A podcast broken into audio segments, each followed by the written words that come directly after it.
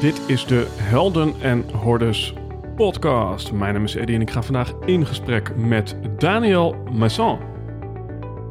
In de zomer van 2016 ontdekten we dat we een schakel waren in een netwerk van mensen die wij Conscious Business Founders zijn gaan noemen. Bijzonder gemotiveerde ondernemers die echt voor durven te staan. Ook als dat inhoudt dat ze daar alleen voor staan. Die 200% toewijding willen geven voor 1% groei en zeggen: Dit ben ik en dit is mijn bijdrage aan een meer gebalanceerde wereld.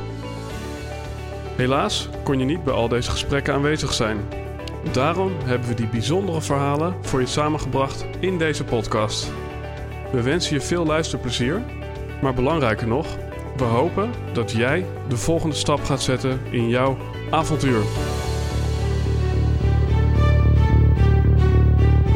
Alright, ladies and gentlemen, aflevering 95 met Daniel Messan. Iemand die ik al veel eerder wou uitnodigen, maar dat durfde ik niet. Want ik dacht, deze man die gaat mij sowieso onder de tafel lullen.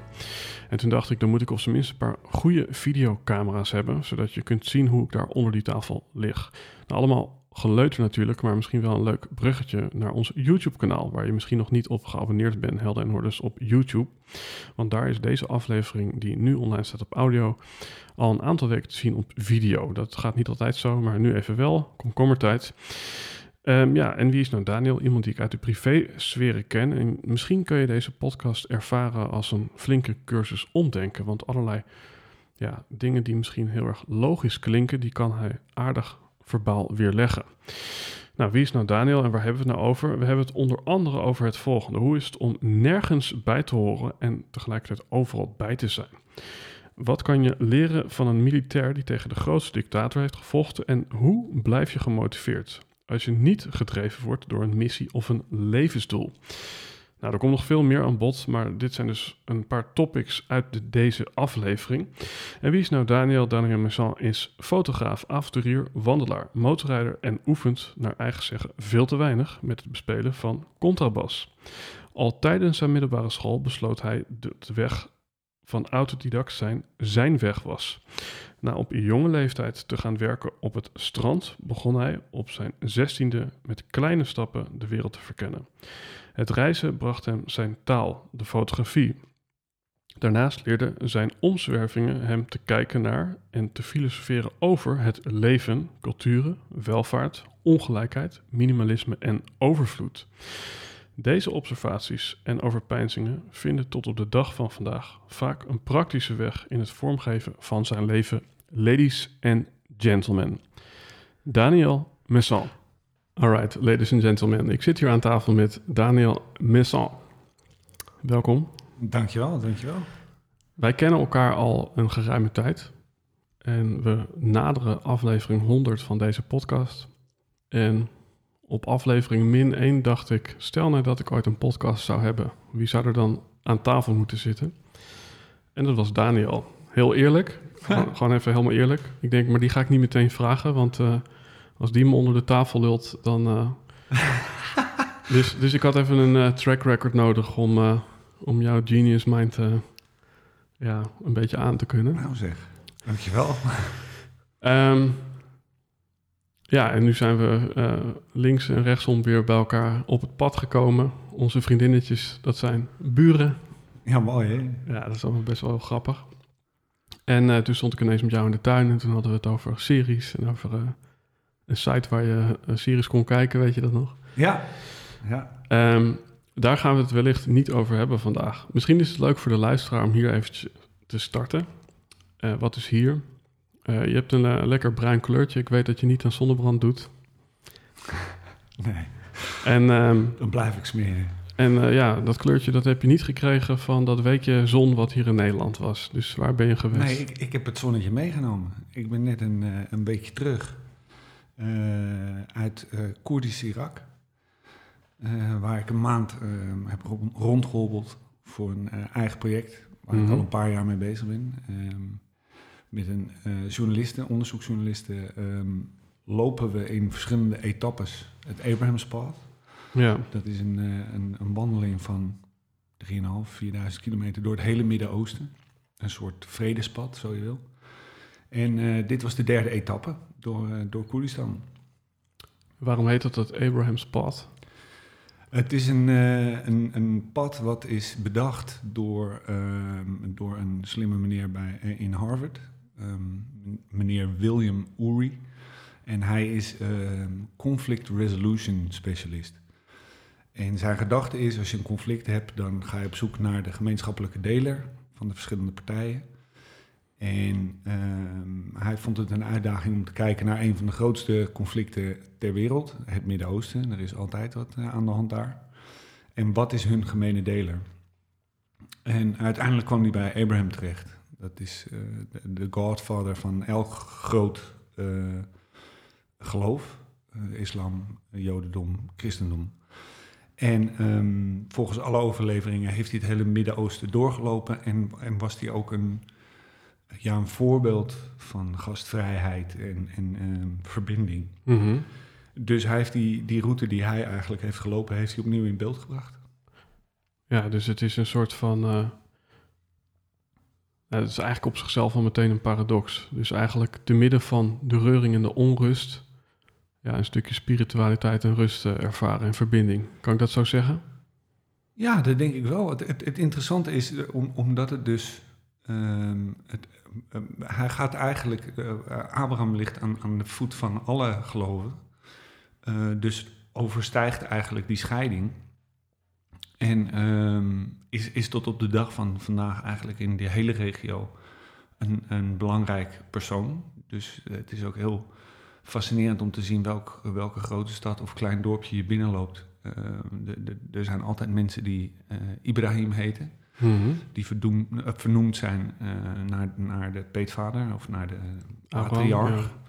de profeet Abraham.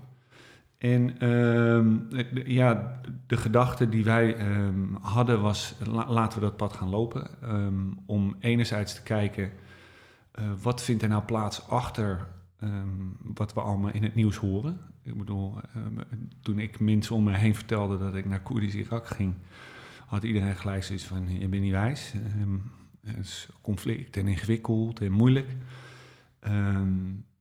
Is dat wel zo? Ja. Dat, zegt iedereen, omdat dat is wat we horen in de krant en in de bladen. en wij wilden dat eigenlijk ja, gaan bekijken of dat ook daadwerkelijk zo is. En uh, zelfs als het zo is, zelfs als er conflict is, um, over het algemeen is het gros van de mensen zit niet in dat conflict, maar heeft last van het conflict, uh, terwijl ze erin wonen. Ja. En um, dat verhaal vonden wij interessant om, om te gaan bekijken dus en te onderzoeken. Even metaforisch, uh, twee ouders die hebben ruzie. En als kind speel je in die woonkamer terwijl er ruzie wordt gemaakt. Ja, ja, ja. daar komt het eigenlijk op neer. En, en, en, en, dan gaat het toch eigenlijk wel over een substantieel aantal kinderen. Ja. Uh, het, het, gros van, het gros van de mensen uh, deelt niet mee in het conflict wat er aan de hand is. Wordt er wel door beïnvloed, maar probeert, uh, weet je, of, of, zelfs als je in de grootste oorlog zit, mm -hmm. uh, moet je nog steeds kijken of je ergens je eten ja. vandaan kan halen. En uh, moet je nog steeds um, um, kijken of je je kinderen iets kan leren en of. of de veiligheid proberen te vinden die er mogelijkerwijs niet of nauwelijks is. In het nieuws heb ik wel eens gehoord, if it bleeds, it feeds. Dus uh, nieuws is vaak slecht nieuws, want uh, dan gaat het reptiele brein aan en die denkt, wat is hier gebeurd? Ja.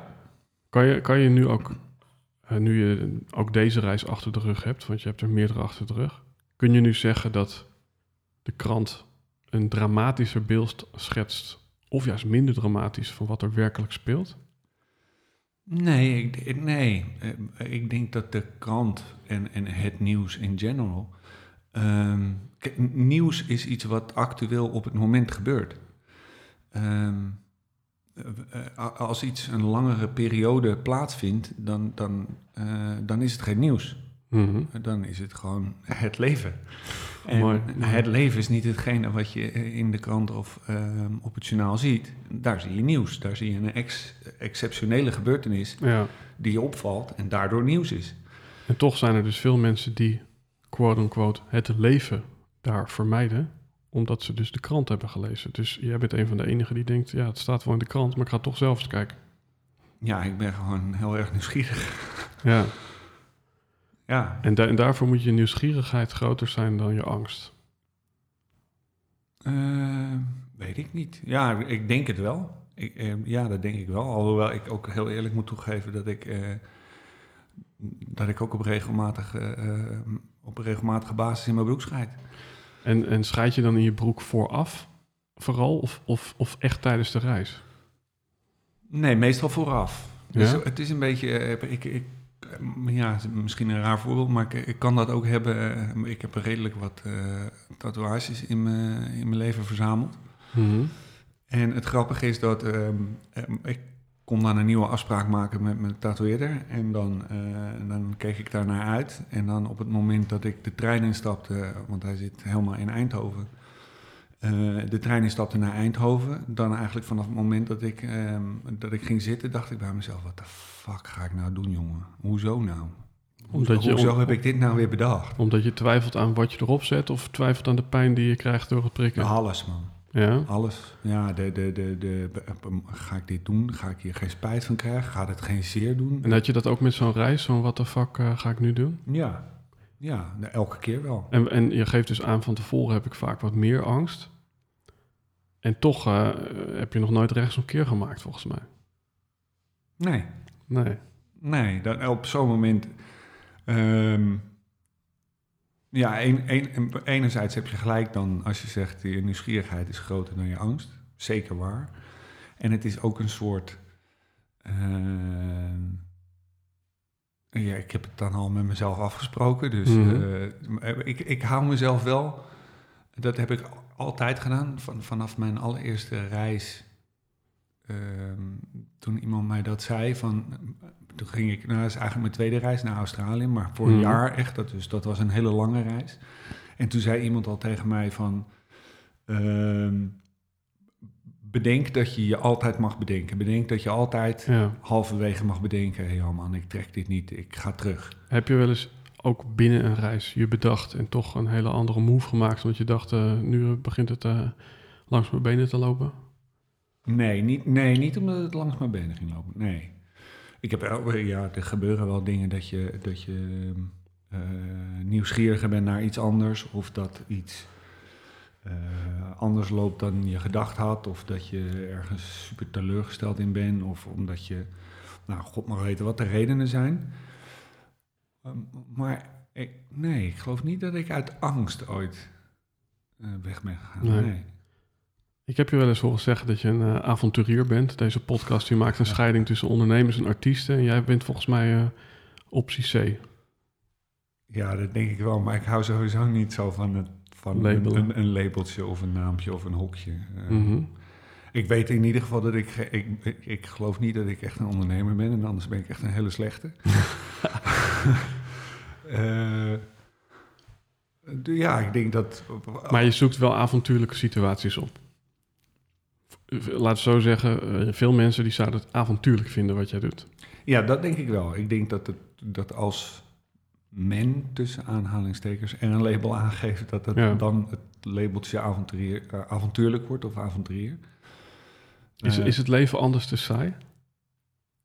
Is, is avontuur een product voor mensen die het leven te saai vinden? Jezus, goede vraag. I don't know. Ik, ik bedoel, ik kan ook echt ongelooflijk saai zijn en, en, en vier dagen lang thuis op de bank eh, eh, drie seizoenen van weet ik veel wat bingen. Ja, Ehm, waarmee, je eigenlijk, waarmee ik eigenlijk dan zeg van ja, als ik dat niet zou doen, dan is het dus te saai. En, en ik kleed het dan dus aan door een, een andere wereld in te stappen, namelijk die van een, een serie. Ja, ik geloof wel dat ik de behoefte heb om continu ehm, geprikkeld en getriggerd te worden. ja want wat, wat, eh, ja, wat wordt er vervuld door zo'n reis te maken? Welk, welk, welke behoefte of welk gevoel? Boy, jezus, Ed, goede vragen. Ehm, enerzijds echt nieuwsgierigheid, oprecht. eh, Weet Ja. je, ik, ehm, Is het, maar ik bedoel meer te zeggen, hè, het zou bijvoorbeeld een, eh, het zou een zelftest kunnen zijn van kan ik dit? Of het zou kunnen Mm. zijn dat je een missie hebt, dat je denkt de wereld die moet veranderen en wel deze richting op. nee, Nee, ik geloof niet dat ik er zo ontzettend veel over nadenk, over wat de missie is. Of, of ik bedoel, mind you, er, er, er, er komt van alles naar me toe. Of het nou e- extern is van, van het land waar ik heen ga en, en, en ik zie opeens hoe mensen met elkaar omgaan of hoe een cultuur in elkaar steekt. Voor zover je dat kan zien hè, in, in de Mhm. periode dat ik daar ben. Ehm, en ik kom 100% ook elke reis weer eh, mezelf tegen op, op eh, oneindig veel verschillende manieren. Ehm, maar ik geloof dat de beweegreden dat ik het doe, is toch altijd gewoon heel simpel. Om, om, omdat het op mijn pad komt en ik denk, Ja. oh, eh, daar weet ik niks van. Nieuws, eh, nieuwsgierigheid. Maar kom je terug met een ander gevoel over jezelf? Bijvoorbeeld, eh, ik kan de wereld aan of ik vertrouw mezelf nu wat meer dan daarvoor. Of, of kom je gewoon als dezelfde vent weer terug? En, ik geloof nooit dat ik getwijfeld heb of ik de wereld aankom. Dat heb ik geloof ik nooit echt gehad. Ik heb wel gehad eh, dat ik twijfelde, shit, shit hoe, hoe hou ik mijn plekje in deze, hoe communiceer ik mijn plekje met de wereld? Die, die heb ik wel vaak ingewikkeld gevonden. En ik denk wel dat ik door al mijn re- reizen en, en onderweg zijn en weer terugkomen en ook daarmee dealen, Ehm, dat ik daar vooral meer rust in heb gevonden. Ja, Dat denk ik wel, maar ik heb, nee, ik heb daar nooit aan getwijfeld. dus ik weet niet of je dat zo kan zeggen, hè, maar als je onrustige situaties opzoekt, dan werk je daarmee ja, automatisch aan een stukje meer vertrouwen in jezelf. Of, of nee, want het zijn voor mij... Kijk, ik heb, ik heb het nooit gezien als, als dat ik onrustige situaties opzoek.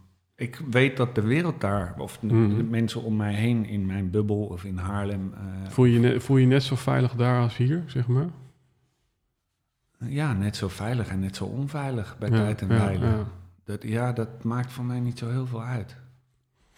Even terug naar aardsniveau, want eh, je hebt een camera bij je, meestal. Ja, En eh, in dit geval was er een dame mee en die was journalist, toch? ja Lisa is Want, onderzoeksjournalist. want, want ehm, ja, eh, wel- welk doel dienen dan die camera en, en, en, en die blog? Bedoel, ko- Eh, de, de website, eh, ja, kan je ook zonder gaan? Dat is eigenlijk de vraag. Of heeft het dan helemaal geen nut meer? Ja, nou ja, het is een, een beetje schot voor open doel deze. Eh, als, er een, als er een basisinkomen zou zijn, dan zou dat zeker kunnen. Maar dat Mhm. is er niet. Hè? Ik moet me toch ook staande houden in een wereld waar werk en, en huur en eten en, en al dat soort zaken een, een, een necessity zijn. Ehm, en daarnaast, maar dat is nog niet zo lang. Daarnaast denk ik dat het. ehm, ja, denk ik dat het voor mensen leuk is om te lezen. Maar Ja. Precies wat jij net zei. Lang niet iedereen denkt bij zichzelf: hé, hey, ik ben wel nieuwsgierig naar Koerdistan. Nou, dat denken nog genoeg mensen, maar niet heel veel mensen denken. Oh, dan stap ik in een vliegtuig en ga, ga ik eens kijken. Ja, En want- op deze manier kunnen ze dan toch een, een, een ander, andere manier vinden om ernaar te kijken dan de krant oppakken of het eh, journaal kijken. Ja, want jij doet dat met een camera. Ik doe dat bij wijze van spreken nu met een podcast, hè? Weet je, eh, mensen toch meenemen in de ervaring die wij hier nu delen. Ja. Waarom is het voor jou een camera? Is, is- ben, je, je gewoon eh, zot op mooie, mooie, mooie plaatjes? Of, of... Nee, ik. ehm, eh, fotograferen is. ehm, fotograferen is voor mij een beetje een middel. Het is niet het doel. Ik heb, in die zin ben ik niet specifiek een fotograaf. Ben ik wel inmiddels. Eh, maar niet in de zin dat ik bezig ben met het schieten van een mooi plaatje. Mhm. Het is voor mij meer een middel om ehm, ergens te kunnen zijn. Het is, het is een, een, een hele fijne manier om contact te maken. En wat ik het allerfijnste eraan vind, is dat het me in de gelegenheid stelt om, eh, op het moment dat ik de camera over mijn schouder heb hangen, dan kan ik eh, in contact zijn Ja. een gesprek maken. En kan ik zelfs. Is het eh, ook een beetje ik kom in vrede, omdat je dat ding om je nek hebt hangen? Nee, tegenwoordig al helemaal niet meer, man. Nee, want, want, want ze denken... Journalisten zijn inmiddels een Ja. redelijk, eh, redelijk target. Ja. Nee, het is, niet, het, het is meer voor mij een manier om, om ergens in en ergens uit te kunnen stappen. Op het moment dat, die, dat, dat ik hem even heb hangen, dan ben ik helemaal onderdeel van de, van de verbinding die, die daar is met de Mhm. mensen die ik daar ontmoet. En op het moment dat ik bij mezelf denk, eh, oh, maar nou wil ik even kijken wat zij doen zonder dat ik daar onderdeel van ben, dan kan Ja. ik drie stappen naar achter doen en me verstoppen achter de camera.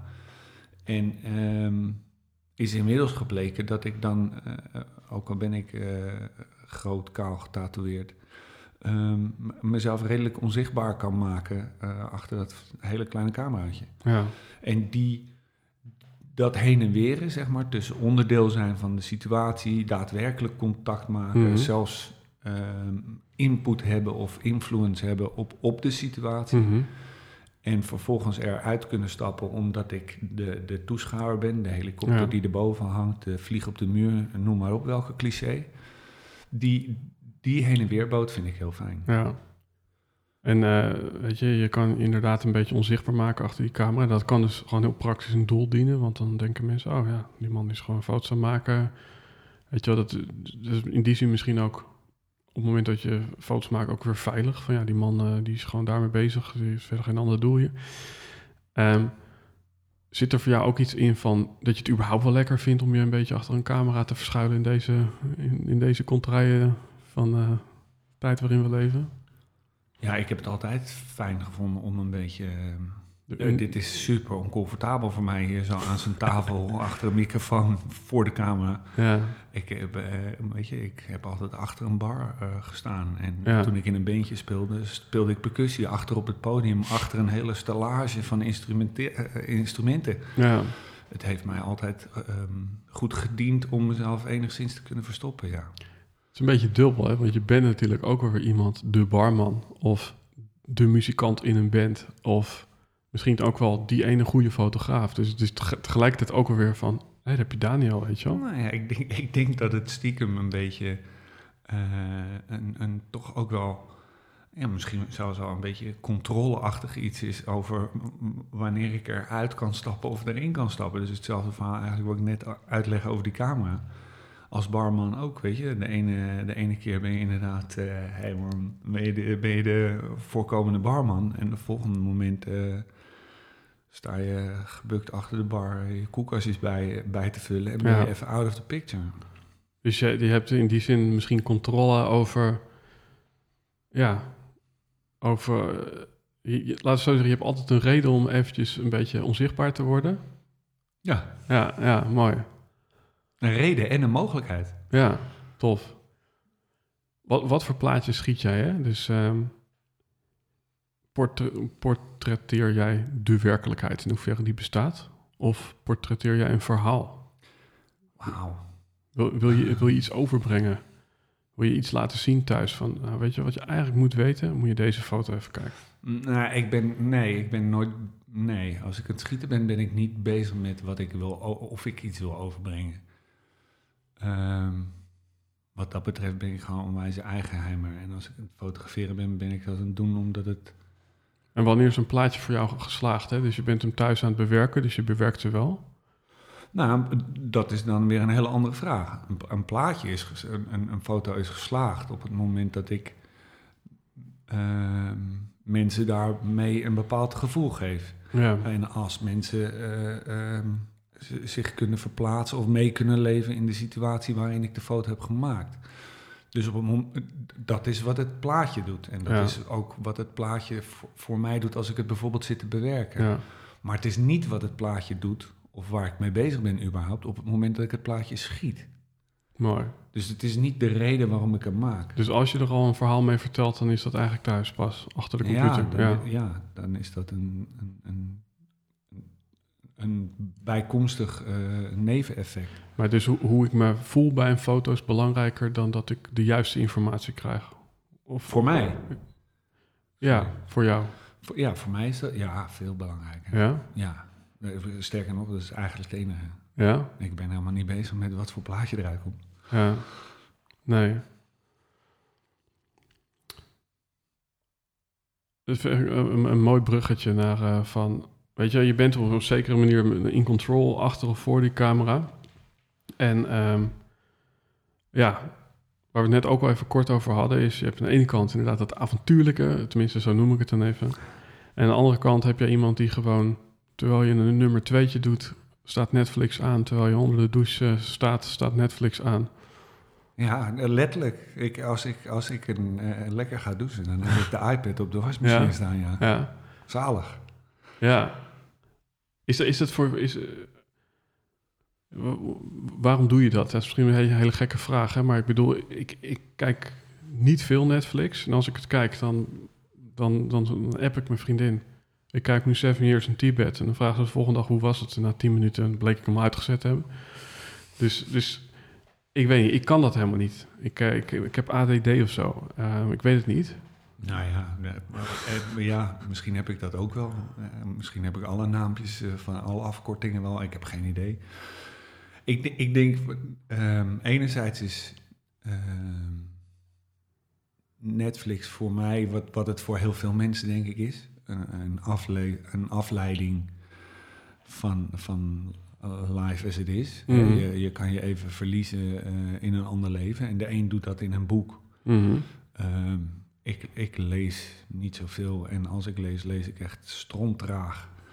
Ehm, maar van jongs af aan kan ik me al verliezen in films en series en, Mhm. eh, en dat soort zaken. Dus ik vind het heel lekker om gewoon ehm, de, de, de wereld as it is even uit te zetten. Ja. En anderzijds ehm, ben ik er ook wel achter dat ik. Hoe, hoe, hoe dom of simpel de serie ook is, ehm, eh, ik, ik haal er altijd iets uit. Ik zit altijd te kijken met: oh, oh, oh, werkt dat zo in de wereld? Of oh, oké, oh, kan ik daar zo mee omgaan? ja.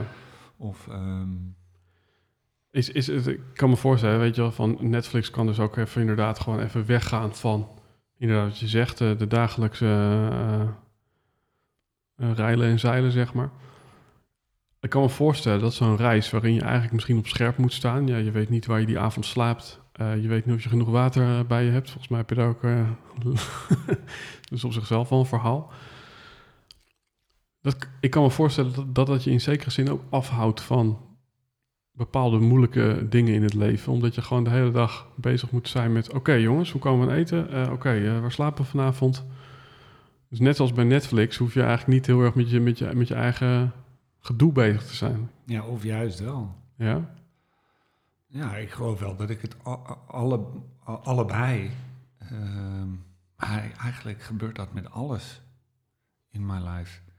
Ik ben altijd, eh, wa- wat er ook gebeurt, ben ik altijd naar mezelf aan kijken van, oh shit, hoe doe ik dat? Hoe ga ik hiermee om? Hoe, eh, hoe, hoe voelt dit nu?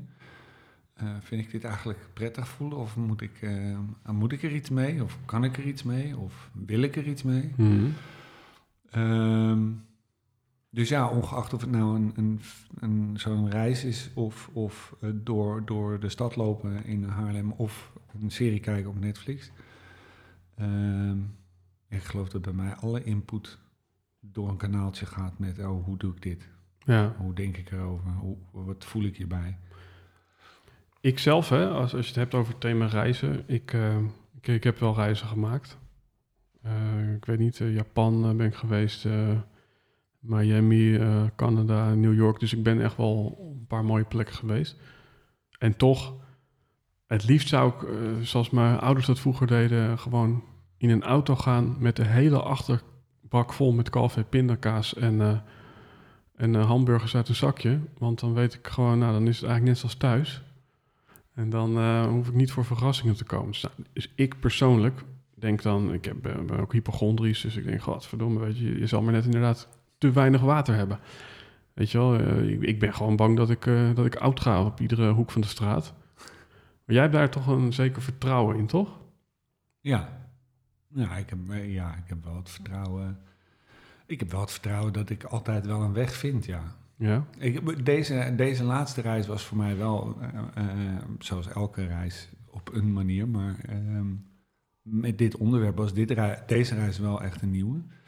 Ja, want net voor je wegging, toen spraken met elkaar. En toen had ik het over, ik heb een snelle stofwisseling, dus ik eh, moet wel eh, vier keer per dag eten, anders dan ga ik, eh, s- ga ik eh, een beetje knikkenbenen, bij wijze van. En, eh, en jij zegt, nou ja, eh, ik- I was made for this, weet je wel. Ja. Jij, jij kan gewoon eh, lang Ja. zonder eten, maar toch, en toch kwam je even iets tegen. Nou, ik, de- deze reis ben ik voor het eerst. Ik reis vanaf mijn zestiende, denk ik. Dus dat is toch al een kleine 30 jaar. En, en eh, eigenlijk eh, wa- was ik nog nooit echt ziek geweest op een reis. En dat was nu voor het eerst anders. Ja, want wat, wat was gebeurd? Want, Ja, het was een soort samenloop, denk ik, van omstandigheden. We, ehm, we hadden een eh, driedaagse eh, hike ehm, in een vrij bergachtig gebied, dus veel klimmen. Mhm. eh, met eh 45, 46 graden op ons kop. Dus enerzijds een, een, een, ja, weet ik veel, iets van een zonnesteekachtig iets. Ehm, anderzijds had ik te, te veel water gedronken. Dat schijnt dus ook te kunnen, wist ik niet. Maar, maar, was, had je dorst? Of dacht je... ik- ja man, ik- ik had de hele dag door dorst. Ik Ja. wilde alleen maar drinken. Ja, Ehm, en, en ja, het blijkt dus dat je dan ook echt te veel water kan drinken. Dus dat was de tweede. En de, de laatste dag van die trip heb ik waarschijnlijk ook ergens eh, iets niet helemaal juist gegeten. En normaal gesproken kan mijn lijf dat prima aan. Die, die dingen los. Mhm, ja. Eh, maar nu waren ze alle drie tegelijk daar. En ja, eh, super kut om, eh, om toe te geven, maar ik word natuurlijk ook een jaartje ouder. Eh, en dit keer zei mijn lijf, ja, dag, zoek het even uit. En was ik opeens ziek. En toen de eerste dag dacht ik van, oh nou, weet je... en precies wat ik toen tegen jou zei. Ja, mijn lijf is hiervoor gemaakt. Dat fixt hij wel even in een dagje. Ik doe gewoon even een dagje rustig aan. En de volgende dag was het niet over. Dus toen dacht ik, Oh, nou oké, eh, prima. Ik geef je wel een extra dagje, joh. En die derde dag was het nog steeds niet over. En dat was wel een moment dat ik bij mezelf dacht... oh, deze ken ik nog niet. Hier moet ik toch eventjes... En je, eh, je praat er nu best wel een soort van licht over, hè? maar volgens mij was je echt wel echt behoorlijk ziek. Ja, ik had wel echt een hele innige relatie met toilet, ja. Ja. Ja, ik, had, ik ben ook wel echt flink wat kilootjes kwijtgeraakt onderweg. Wat gebeurt er dan hè? naast eh, lichamelijke sensaties? Is er dan wel angst? Want we hebben het net over vertrouwen gehad. Ehm, nou ja, ik... ehm, ja, ik weet niet of... Ja, angst is er wel een- op een, een momentje geweest, weer, of een paar momenten, dat ik dacht, hé, hey, maar ik ken dit helemaal niet. En eh, ik doe dit al 30 jaar, waar- waarom ken ik dit niet? Dus dan, ik weet niet of angst het goede woord is, maar onzekerheid is het zeker wel. Dat je Mhm. denkt, eh, waar gaat dit naartoe? En anderzijds had ik wel zoiets van, ja, weet je, ik, we, eh, we zaten inmiddels zaten we gewoon weer in een wat grotere stad, of de, de grote stad, om het zo maar te zeggen, in een redelijk goed hotel met eh, eh, een apotheek om de hoek. Dus ik had niet het, ik had, ik had niet de onrust van, dit komt nooit meer goed. Mhm. Maar ik had wel de onzekerheid van, wanneer komt dat weer goed? Ja. Want ik heb ook nog, weet je, we zaten daar vier weken en ja, je hebt wel een plan eh, eh, van, van verhalen die je wil maken en dingen die je wil zien en eh, mensen die je wil ontmoeten. Dus het moet ook weer niet drie weken duren. ja. Maar je was er dus in die zin ook niet op voorbereid, omdat je denkt, ja... Dat, Totaal niet. Nee, dat gebeurt bij jou gewoon niet, dit soort dingen. Nee, nou Nee. ja, dat, dat heb ik nu dus even aangepast in mijn Ja, systeem. ja. Ja. dit kan gebeuren. Ja. Weer even een nieuwe, een nieuwe leerschool daar Ja. wat dat betreft. Ja. Ja. En, eh, en dat, hoe, hoe is dat dan uiteindelijk goed gegaan? Gewoon vanzelf? Eh, nou ja, de, de, de der- derde dag, eh, aan het einde van de dag, dacht ik, ja shit, weet je, morgen, morgen hebben we weer een afspraak. En zoals het nu gaat, wordt dat heel ingewikkeld. Want je hebt daar ook nog eens van die, van die staanplays, weet je wel, van die Franse toiletten. Ja. En ik was echt in een dusdanige eh, conditie dat als ik naar de play moest en het zou zo'n Frans toilet zijn, dan wist ik dat ik mijn broek niet meer aan kon doen, want dat die helemaal onder zou zitten. Ehm, Ja. dus toen, eh, toen heb ik eh, uiteindelijk heb ik naar mijn oom gebeld, die is oud huisarts. En gezegd van nou, dit is aan de hand en ik heb mijn eigen remedie eh, eh, ehm, van cola en chips voor zout en suiker en dat soort dingen. Ehm, heb ik keurig netjes gedaan, dus mijn ORS, dat zit allemaal wel goed. Eh, maar ik moet er nu, en die zei van ja, weet je, dan wordt het nu toch wel tijd om eens een uh, Imodiumpje te doen.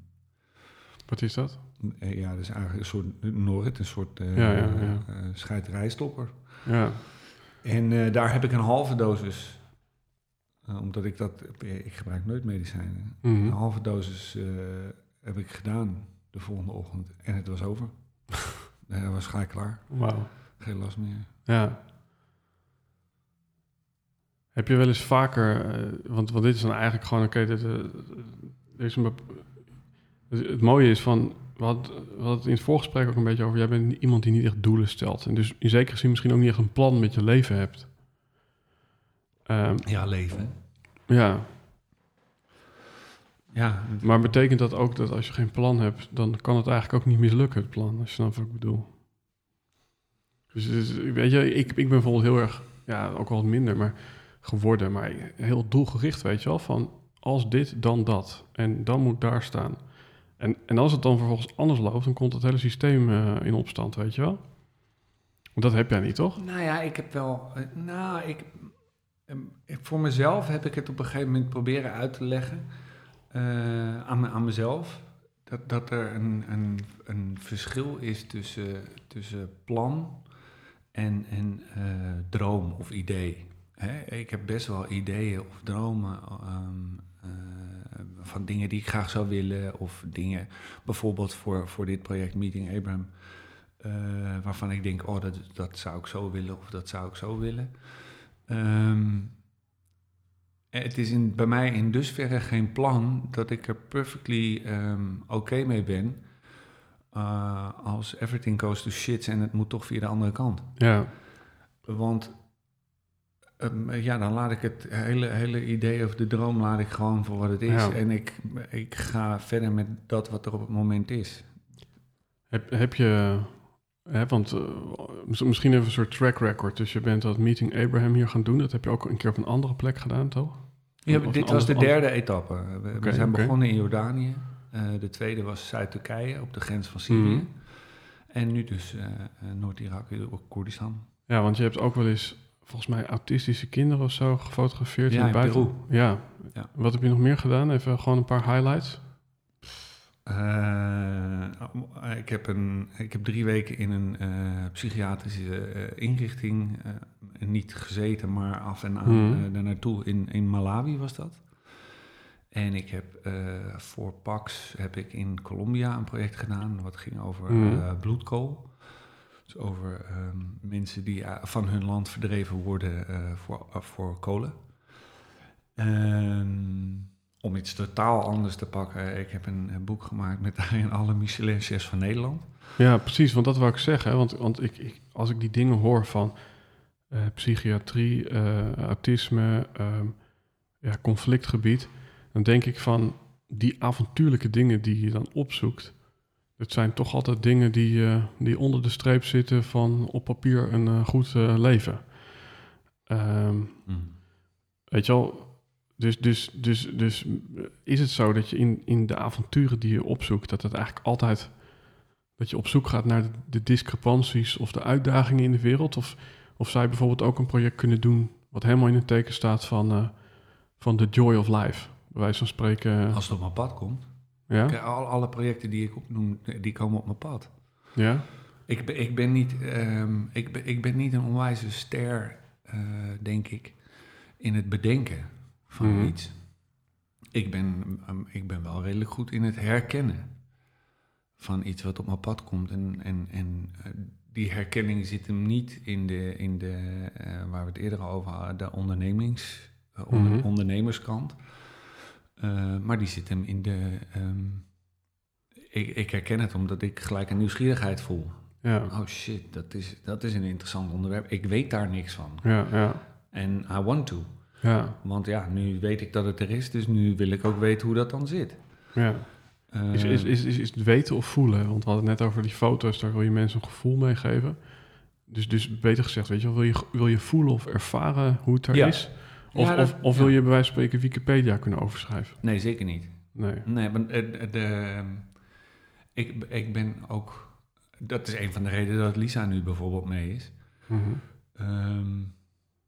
die, die kan alles heel goed en mooi en, en gedegen opschrijven. En ehm, eh, ook nog eh, onderzoek doen. En, en eh, weet, die, die heeft echt in haar mind...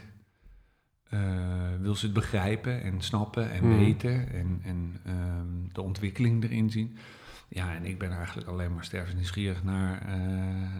ho- hoe is het dan om daar te staan? Hoe Ja. is het om, om, hoe is het om, om me helemaal kapot te zweten als ik tegen die berg aan loop? Hoe is het om een, om een oud Peshmerga tegen te komen die tegen Saddam Hussein heeft gevochten en niet?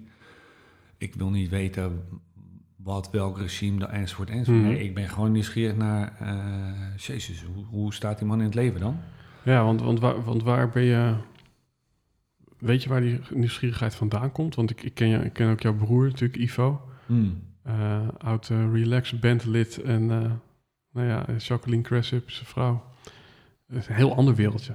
Ja. Dus, dus Ook dit- een hele interessante wereld. ja, dus, dus hoe, hoe komt... Hoe, heb je het idee dat jouw interesse ergens vandaan komt? Of dat het ja, een, een plek is die je misschien vroeger al had bij je vriendjes op het schoolplein? D- nou ja, je haalt nu iets aan. Wat, als, als ik terugdenk aan mijn basisschooltijd. Ik, ik hoorde niet bij een. Tenminste, in mijn herinnering hoorde ik niet bij een clubje. Eh, ik hoorde nergens bij. En, maar, en tegelijkertijd hoorde ik overal bij. Ik kon Ja. overal. eh, ik, ik, kon, eh, ik kon prima aan middag spelen met, met degene die altijd gepest werd. En tegelijkertijd kon ik high-fiven met, de- met, met, met zijn pestkop. Ja, En maar ik had zoiets van, ja, ik, ik stond overal buiten, maar ik was overal bij. ja, Ehm, dus ik had een soort... ehm, Ja, want dat is het grappige inderdaad. En dat zie ik ook van of het nou inderdaad achter de bar is, of in een band, of met een fototoestel. Je bent altijd een soort van onmisbare speler eh, in ja, dat event. Weet je wel, Mhm. ik bedoel, een eh, popzaal eh, zonder band, dat is net zoiets als een, een bar zonder bier. Weet je, dus, dus je hebt altijd een soort van sleutelrol, weet je wel, van als er daar ja, aan, aan het westen laten zien moet worden hoe het daar gaat, ja, dan, dan moet er echt wel een fotograaf zijn, weet je wel. Ja, eh, muzikant moet er zijn eh, als, je muziek wil. En een barman heb je nodig als je in de kroeg staat. Dus, en dat is het grappige van, je hebt inderdaad een onmisbare rol. En tegelijkertijd, het is wel een functie. Je, bent je bent altijd in functie, zeg maar.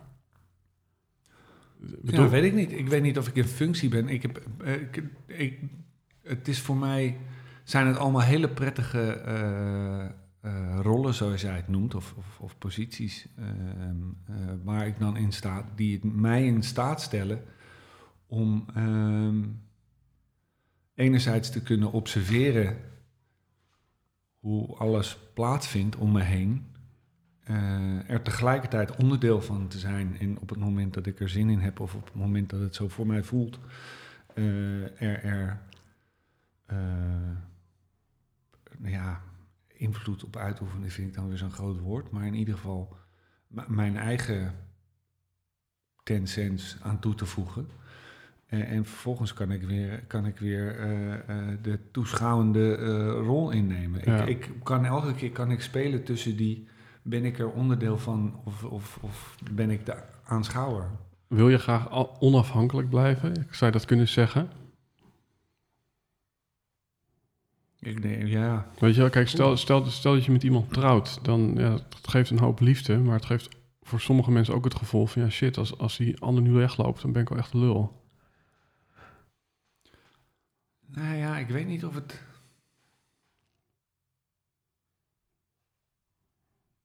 Jezus, het is een moeilijke vraag. ik weet niet of het, of, of het de wens is om. eh, ehm, ik weet niet of het de wens is om onafhankelijk te zijn. Ik denk.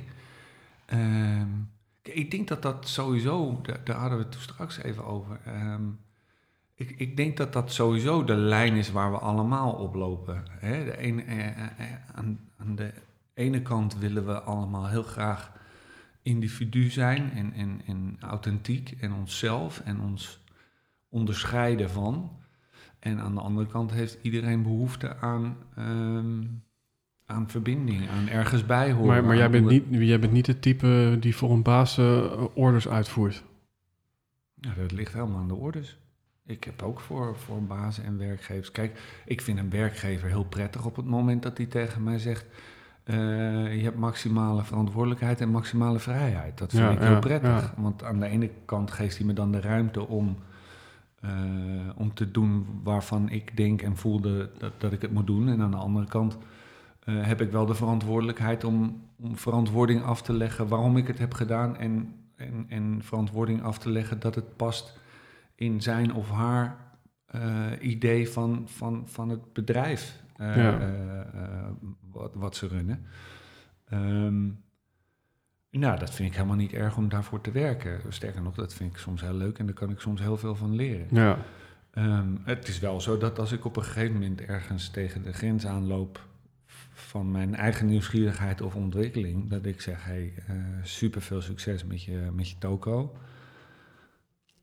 Ja, maar heer. ja, en dan, ja, dan ga ik weer. En dat heb ik altijd gedaan. Ja, dus het is misschien niet onafhankelijk, maar het is van jezelf blijven of vrijheid. Ja, ik, denk- ja. ik, denk, ik denk dat het de, de lijn is op, op enerzijds dus ehm, je wel kunnen verbinden en, en kunnen zijn bij. Ehm, en anderzijds eh, dicht bij jezelf blijven en, en je eigen weg lopen. En Mhm. ik, ik denk dat dat de grote uitdaging voor iedereen is. Ja. Want net hadden we het even over het basisinkomen. Mm. En eh, vier jaar geleden, toen werd ik nog wel, Elon Musk had daar eens een keer iets over gezegd van een maatschappij waarin je alles kan gebruiken en niks meer bezit. Ja, te gek. Ja, nou, ik heb daar toen ook nog een keer een filmpje van gemaakt, weet je wel. En nou, ik laat je zo hoor, maar wat ik dus merkte bij mezelf is, ik zag daar inderdaad wel nut van in, weet je wel. Ik, ik zie ook van duurzaamheid, waarom zouden we allemaal een eigen auto voor de deur moeten hebben en niet gewoon samen doen, dan hebben we er veel minder nodig. Dat is ook een goed voor het klimaat, weet je wel. Dus ik, ik, ik dacht, nou, dan zit je ook nog samen in zo'n auto, heb je ook nog een stukje menselijke verbinding. Dus voordeel, voordeel, voordeel. Toen hoorde ik, zeg maar, denk ik, eh, rond de pandemie een ander verhaal van... Ik geloof dat de slogan was Own Nothing, Be Happy van een, een of andere wereldforum. Nou ja, weet je, los van of dat gaat gebeuren of niet. Maar daarin was het ineens van, ja, wacht eens even.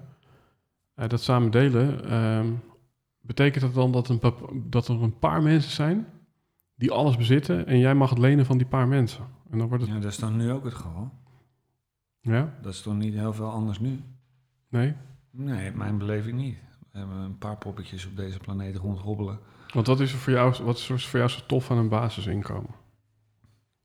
Ik, allereerst, ik, ik denk niet dat een basisinkomen voor ehm, iedereen eh, even fijn klinkt. Ik kan me heel goed voorstellen dat er een aantal mensen zijn die het helemaal niks vinden. Nee, want even, even, even een beetje, eh, nou, eh, worst case. Ik heb wel eens iemand horen zeggen, lijkt me ook wel sterker dat het hier allemaal uitwaait, maar ja, dat, dat in China het zo is van als je inkomen aan wat je van hun krijgt niet aan bepaalde dingen uitgeeft, dan, eh, dan mag je het überhaupt niet uitgeven. En alles wat je aan het eind van de maand overhoudt, dan moet je weer terugstorten.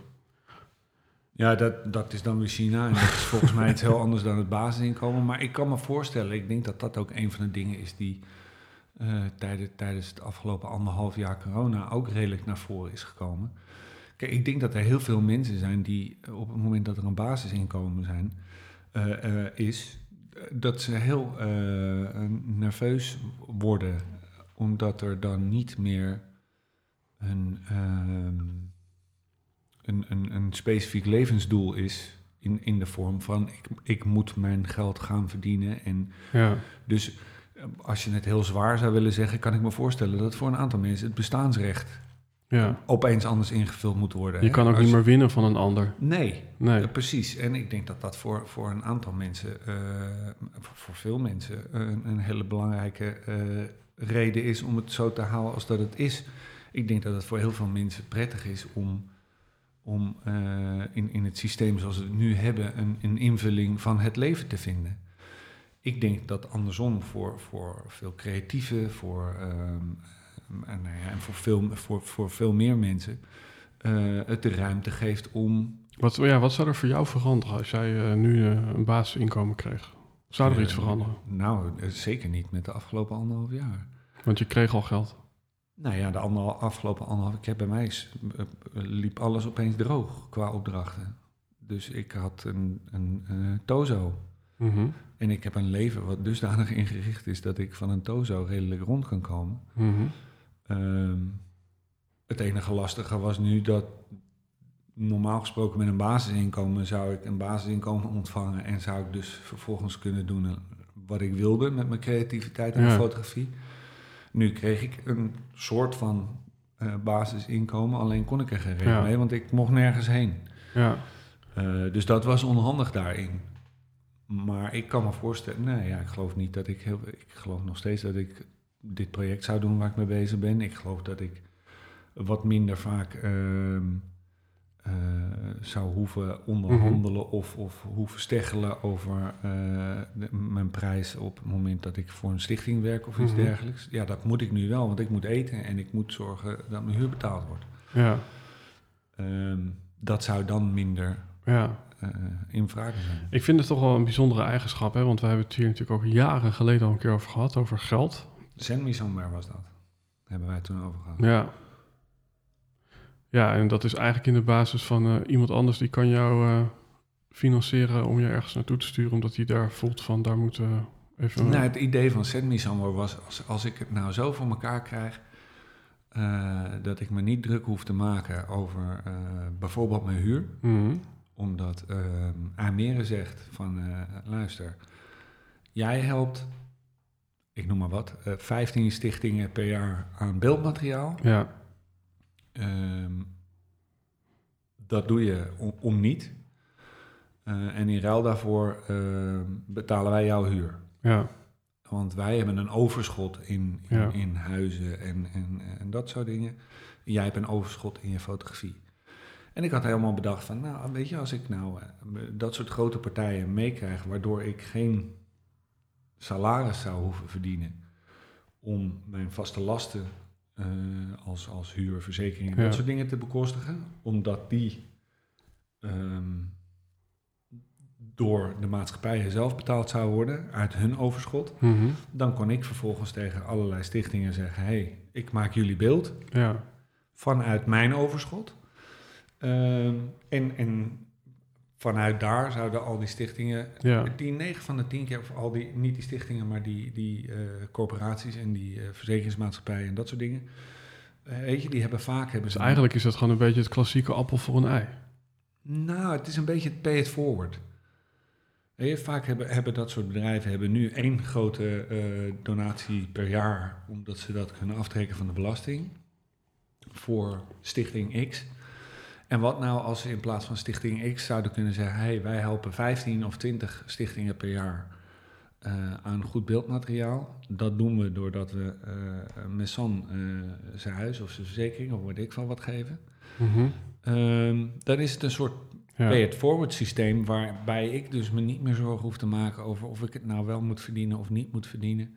Iedereen, Maar- iedereen heeft een bepaalde overvloed en als iedereen gewoon zijn Ja. overvloed deelt, dan... Ja, dat was een beetje de gedachte daarachter. Ja. Toch is het ergens ook heel logisch, hè? want ik, ik vind het natuurlijk ideologisch mooi, maar ehm, ik vind het ergens, nou ja, vind. Kijk, er is volgens mij zoiets als een, een reptiele brein en die heeft gewoon verzamelvoeden. Weet je, je weet, eh, in de oertijd wist je niet of je morgen eten had.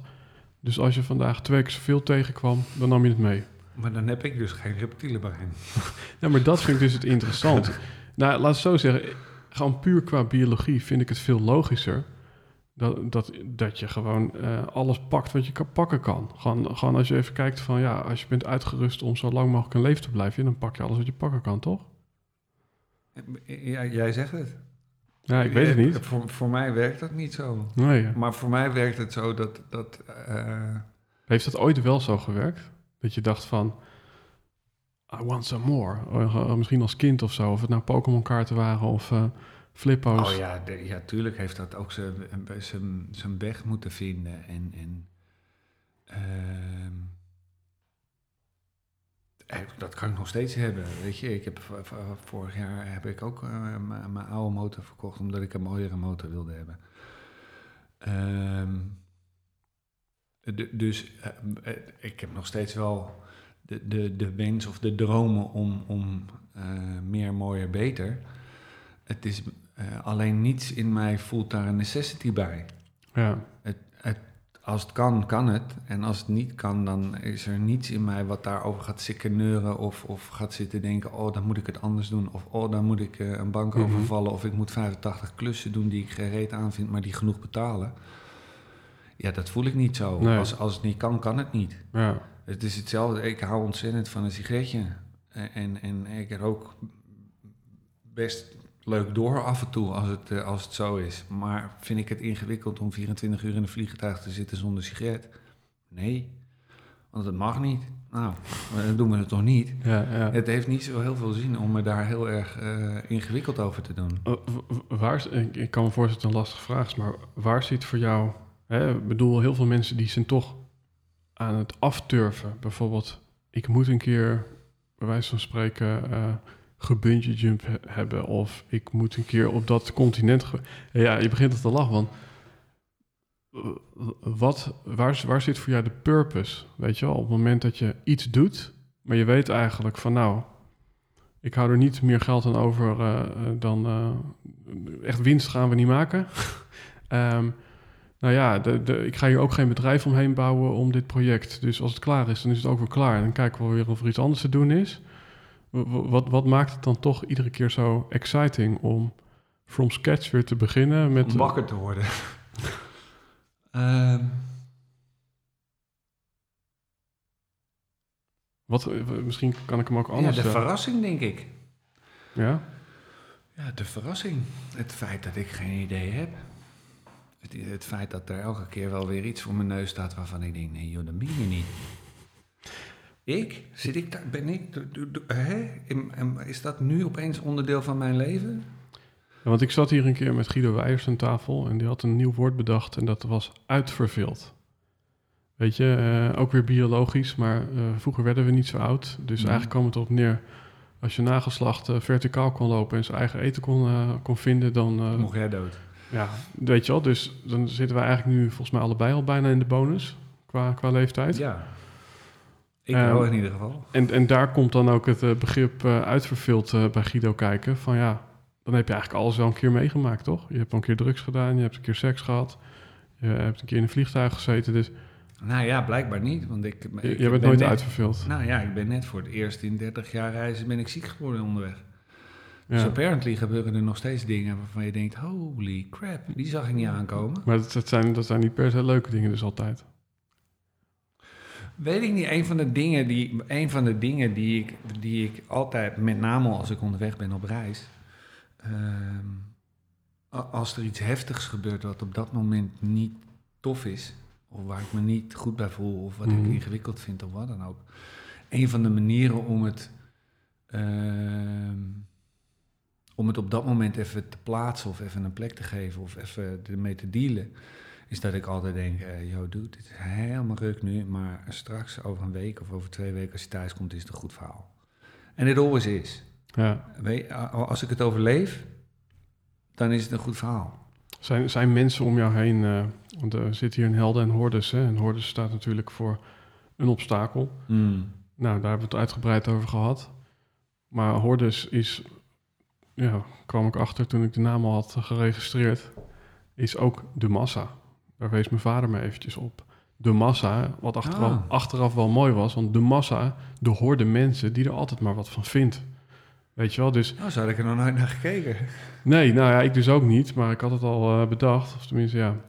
Dus heb jij wel eens last gehad van de horde? En daar bedoel ik mee Ja man, altijd. ja, want kijk, heel, heel logisch is het nog als je ziek bent en dat, eh, dat er thuis eh kaarsjes worden opgestoken door, door je vriendin. Die, ja, die is nog vrij logisch. Ja, ja. Maar dat ze, dat ze überhaupt gewoon eigenlijk de empathie of het begrip missen om, ja, om jou te steunen. Van, van gast, doe normaal, weet je wel. Waarom zou je dit gaan doen? Waarom ga je niet gewoon eh, op het strand werken en eh klaar is Kees? Ehm, nee, ik denk dat het voor mij eh, ik, ik, de reden dat ik veel, dat ik het moeilijk vind, de, de horde moeilijk vind, is ehm, om de, de manier waarop we met elkaar communiceren. Dat zijn wij nu alweer, weet ik veel hoe lang aan doen, is met woorden. En ik, ik vind woorden nogal ingewikkeld. Want het ding met woorden is dat ze aan interpretatie onderhevig zijn. En dat ze ook nog eens vaak ondersteund worden door verbale of non-verbale communicatie, die weer vo- volledig anders kan worden opgevat. En dat die ook weer anders Mhm. opgevat kan worden dan dat jij hem bedoelt. En dus ik vind communicatie nogal ingewikkeld. En ik vind het helemaal ingewikkeld dat. ehm, dat communicatie en, en, en eh, verbinding met mensen per definitie eigenlijk altijd gepaard gaat met, eh, zoals jij het toen straks noemde, een etiketje. Er- Ja, ja. Er, er moet, er, er moet een, er moet een etiketje op, want ja, dat is de manier waarop we met elkaar communiceren. En dat snap ik. Klassificeren, ja, ja. En dat snap ik en dat begrijp ik en ik weet dat dat zo is. Ehm, maar het is niet hoe mijn hoofd werkt. Het is niet hoe ik nadenk over, ehm, eh, over, over de wereld. Mhm. Eh, en ook niet over mezelf. En ook niet over de mensen om me heen. Is er een manier eh, waarin het misverstand wat je wel kan hebben met taal Hmm, of een andere interpretatie, hmm. is er een manier voor jou waarmee je eigenlijk het wel over hetzelfde hebt? zo, zo, snap je wat ik bedoel? Een manier van verbinden die anders is dan taal, die eigenlijk beter werkt voor jou. Ehm, nee, ja. als die er is, heb ik hem nog niet gevonden. Mhm. Denk ik. Nee, ik, ik denk Is, dat is, dat... is, ik is, denk dat dat is fotografie in die zin, komt dat dichterbij voor jou? nee, want mijn, het beeld wat ik maak is wat ik zie. Ja. En dat wil, dat wil zeker niet zeggen dat het zo is. Mhm. Weet je, er, er is een 360 graden vantage point Ja. waarvan ik mijn keuze heb gemaakt van waar ik de foto maak. En ik heb ook nog eens gekozen voor met welke lens ik dat doe. Ik heb er ook nog eens voor gekozen of ik ervoor kies dat de achtergrond onscherp is of juist scherp. Dus het is het beeld wat ik zie en de situatie zoals ik hem ervaar en voel. Ehm, als er een andere fotograaf staat, dan was het waarschijnlijk een heel ander plaatje geweest. Ja, ja. Ehm, nee, ik, ik denk dat ik er, hoe graag ik ook zou willen, maar ik denk dat je er eh, als, als mens niet onderuit komt. Dat we communiceren nou eenmaal met, met, met woorden en Ja, zinnen. ja. En, ehm, maar tegelijkertijd vind ik dat het allerlastigste wat er is, ja. Ik heb eh, eh, wel af en toe een boekje gelezen. Ik ben ook niet echt een snelle lezer. Ik heb je net een mooi boekje gegeven, die is volgens mij vrij kort, dus dat gaat wel lukken. Heel benieuwd. Ehm, weet je wel, maar je kent wel het boekje De Alchemist. Wat ook over, Zeker. Ja, een mooi boekje. Ja. Niet? Zeker. Ja. ja, dat vind ik dan grappig, hè, want je zegt zeker. Maar weet je, De Alchemist, en zo heb je ook een boekje wat ik je aanraad, wat eigenlijk de grondlegger schijnt te zijn van De Alchemist. Namelijk die schrijver daarvan, die had een boekje gelezen dat heette Siddhartha. Dat is uit 1925 of zo. Ook een roman over een jonge heer die het woud in gaat om zichzelf te zoeken, zeg maar. En het boekje wat je net gaf over die zeemeeuw. Maar dat zijn allemaal mensen die zijn ergens naar op zoek. Dus die gaan op reis en die zijn op zoek naar iets. En of dat nou geluk is, of zichzelf, of, of goud, of eh, rijkdom, of een vrouw. Weet je wel? Je vindt het een mooi boek, maar, maar heb jij zelf ook een soort van... Oké, nou, ik ga nu naar dat land en ik hoop daar dat te vinden. Nee, Nee? nee. En wat, en wat maakt dan dat je zo'n boekje als de alchemist... Wat, wat vind je daar dan toch tof aan? Eh, ja, dat klinkt misschien een beetje. Ik, voel me, ik schaam me zelfs een beetje om dat zo te zeggen. Ehm, het- kijk, De Alchemist is een, is een heel veel gelezen boek. En Mhm. heel veel mensen vinden het een heel fijn boek. Ehm, en ik ook. Mhm. Maar i- ik niet omdat ik mezelf erin herkende, maar meer omdat ik zoiets dacht van... Oh, zo denken een hele hoop mensen erover. het maakte mij, voor, voor mij maakte het een beetje duidelijk dat ik begreep wat er nou om me heen gebeurt. Oh, wauw. Ja, Ja, ik denk dat dat het vooral is. ja. Ik, ik, ben... eh, eh, eh, nee, ik geloof niet dat ik op zoek ben, nee. He- heb je wel iets gevonden, hè? Want je kan ook soms op zoek gaan. of, nou ja, wij spreken. Ik, ik, ik had laatst een kettingje gevonden wat nu omhangt, wat ik heel lang kwijt was. En ehm, ik was er niet naar op zoek. Zo kan het ook gaan, dat je iets vindt wat je niet zocht. Ja, dat doe ik continu. Ja, dus, dus eh, zijn er dan dingen waarvan je denkt, wauw, weet je wel, eh, als ik nu terugkijk naar mijn laatste reis of die reis daarvoor. Ik, heb daar iets, ik ben daar iets tegengekomen, ik was er niet naar op zoek, maar wauw. Eh, Over mensen, over eh, nou, ik cultuur. denk een van de dingen die voor mij wel echt een, een, een ehm, ja, openbaring is misschien een te groot woord, maar wat, wat ik wel heel, heel fijn vond om te leren in, in, in, ehm, in Koerdistan, ehm, was, eh, ik ging daarheen met een idee van dit is, dit is een regio in de wereld die bekend staat als redelijk conservatief en eh, behoudend en eh, supergelovig en en hier, we kwamen ook nog eens aan eh, midden in de Ramadan. Ehm, dus ik had daar een redelijk conservatief beeld bij. Ja, dat bleek totaal niet het geval te zijn. Maar eh, ook echt niet. Nee, eh, waar zie je dat aan? Waar merk je dat aan? Ja, aan, aan, aan, aan de verhalen van eh, jonge mensen, eh, aan de manier waarop ehm, mensen met mij omgingen, maar ook met Lisa. En ehm, aan de manier hoe we ontvangen werden, aan de manier wat, waar mensen mee bezig zijn en wat ze bezighoudt. Ehm, ja, de gesprekken en de, en, en de manier waarop, eh, waarop mensen in het leven staan. Ja. ja. Dat was voor mij echt een, openbaring over, over eh, eh, ja, daar kan ik naïef in zijn. Hè? Misschien zijn er heel, veel mensen die zeggen, ja, dat wist ik al. Ja, ik dus niet. Ik ging daar echt heen met het gevoel van, eh, dat was ook een van de dingen die ik er heel spannend aan vond. Of denk je dat het ook jouw waarneming is? Want er is zo- zo'n oud verhaaltje waarin ze zeggen... een man gaat naar een dorp en die zegt... nou, ik kom net van een dorp, daar was het een klote die gaat naar een volgend dorp. Zegt, ik was aan het vorige dorp, het was ook een klote. Nou, daarna komt er dus iemand die zegt... ja, ik was net een dorp, goud, echt super, weet je wel. Dus dat het eigenlijk niet zozeer te maken heeft met de feiten... maar meer te maken heeft met interpretatie. Nee, ik denk dat het NN is. Ik denk dat het NN is. Kijk, eh, eh, het, voor mij, een, een, het simpelste voorbeeld is dat ik op een gegeven moment eh, eh, waren wij een dag weg met een, met een groep jonge mensen, tussen de 20 en de 30 zeg maar. Ehm, ehm, naar een strand aan een meer in de buurt.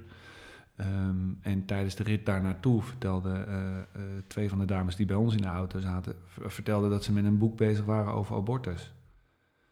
Dat had ik niet aanzien komen in, een, in, in, in Noord-Irak, Koer- eh, Koerdisch Irak. Ja, Daar, had- dat, dat- dat- überhaupt was die gedachte niet eens Nee, bij nee, mij nee. opgekomen dat dat een onderwerp zou zijn wat überhaupt bespreekbaar zou zijn. Laat staan dat daar twee jonge meiden een boek over aan het schrijven zijn. Mhm.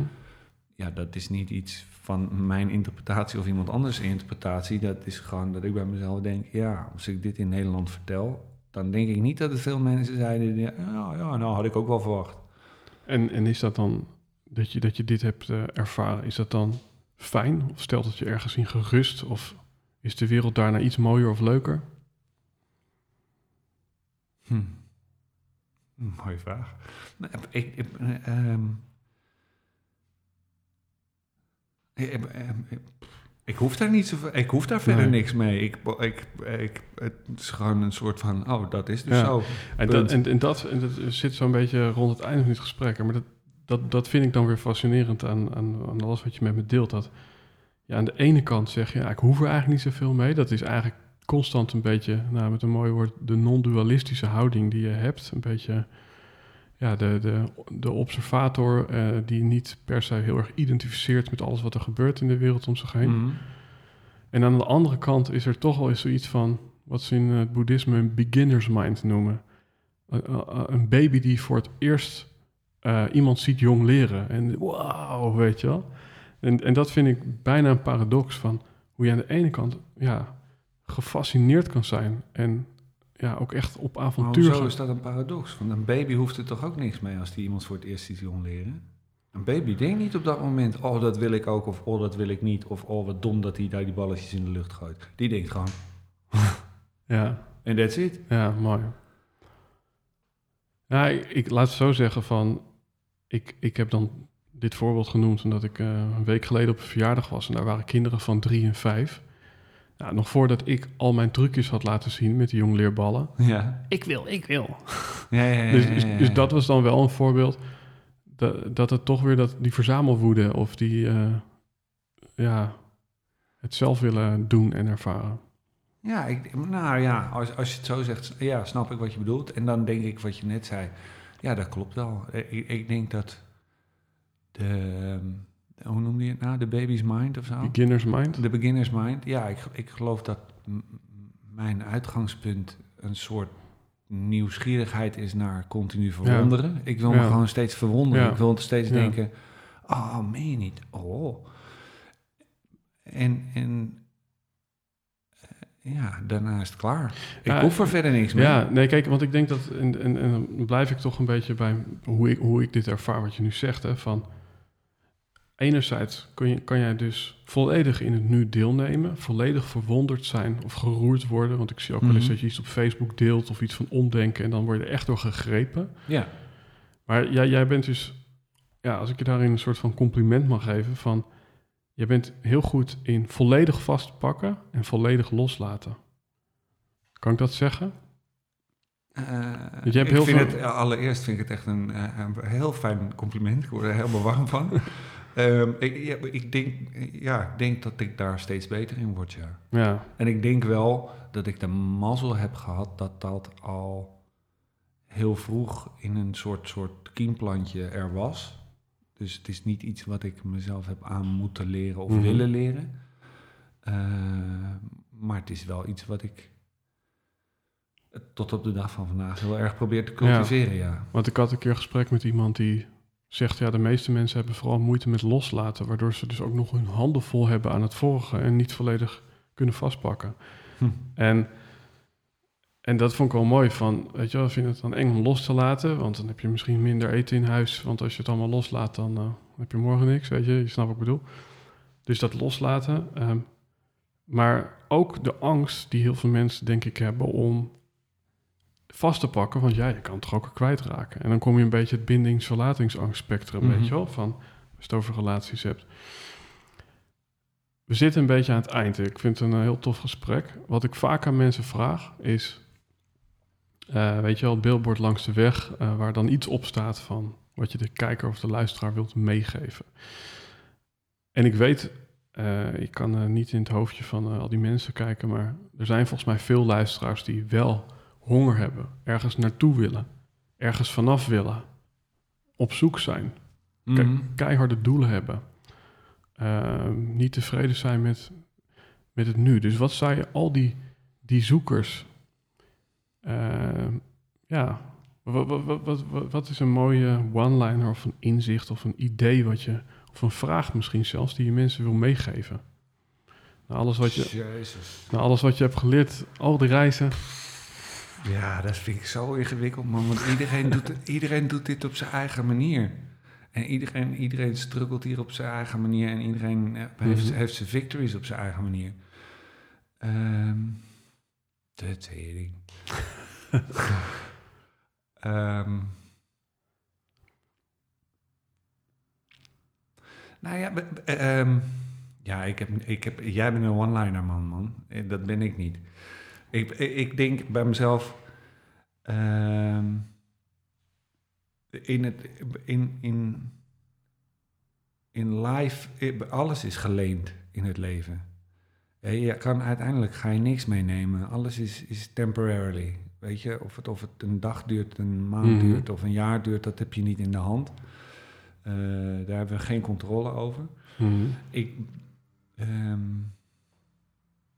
de gedachte dat het altijd temporarily is, Hmm. dat het altijd tij- tijdelijk is, kan heel prettig zijn, denk ik. Ja, En rust geven. Want dan, als je die gedachte in ieder geval in je achterhoofd hebt zitten, eh, dan ben je erop voorbereid dat, dat, dat het ergens ook weer stopt. En dan bedoel ik niet dat je daar dus angst of, of, of weet ik veel wat voor moet ontwikkelen, maar dat, dat je daardoor misschien juist de kracht kunt vinden om er dan van te genieten, zolang het er is. ja. Om er blij mee te zijn als het er is. Box, Nu gaat mijn broertje waarschijnlijk monteren dat je echt dus hoort, zeg maar. ja, ik denk dat het toch wel mooi is om mee te geven. Ehm, ik voel hem wel, weet je. Ehm, Gelukkig. Ja, weet je, ik bedoel, zelfs als je in de grootste auto rijdt, ja, wie zegt dat die van jou is? Dat is een beetje wat er in me opkomt, weet je. Ja, Ja. ja. Is er een plek waar de luisteraar jouw foto's kan checken? Of een plek waar hij jouw projecten kan volgen? Je reis? Nou ja, het project waar ik het net over had, eh, kun je vinden op meetingabraham.com. Ehm, en um, ja, mijn eigen site is gewoon danielmessan.nl. Daar kan je eh, die projecten waar jij toen straks aan naar vroeg, eh, dat gekhuis in, in Malawi of de autistische kids in Peru, die kun je daar terugvinden. Mhm. En op Instagram. En eigenlijk gebruik ik altijd gewoon alleen mijn eigen naam, Daniel Messan. Dus op Instagram, op Facebook, LinkedIn, al die toestand. Cool man. Ehm, voor de luisteraar en de kijker, kijk even in de camera. In de show notes vind je alle linkjes als je ze alweer vergeten bent. Want hoe schrijf je godsnaam Messan? En is dat nou Frans of Nederlands? Ni- niemand die het weet. Ehm, ja, dus dat vind je in de show notes van deze aflevering. Wil je meepraten? Hashtag Held en Hordes op Twitter, Facebook, Instagram, YouTube. eh, eh, in abonnees groeit lekker. Veel mensen reageren ook onder de aflevering. Dus wil je iets delen, iets vragen? Eh, doe dat vooral. Daniel, wij kennen elkaar al behoorlijk lang. En via allerlei omwegen wonen we nu regelmatig twee meter van elkaar af. Ja, mooi hè? En ehm, ik wil je danken voor dit mooie gesprek. En Same. Thanks voor de invite en snel een biertje in de tuin. Zeker. Alright man. Thanks.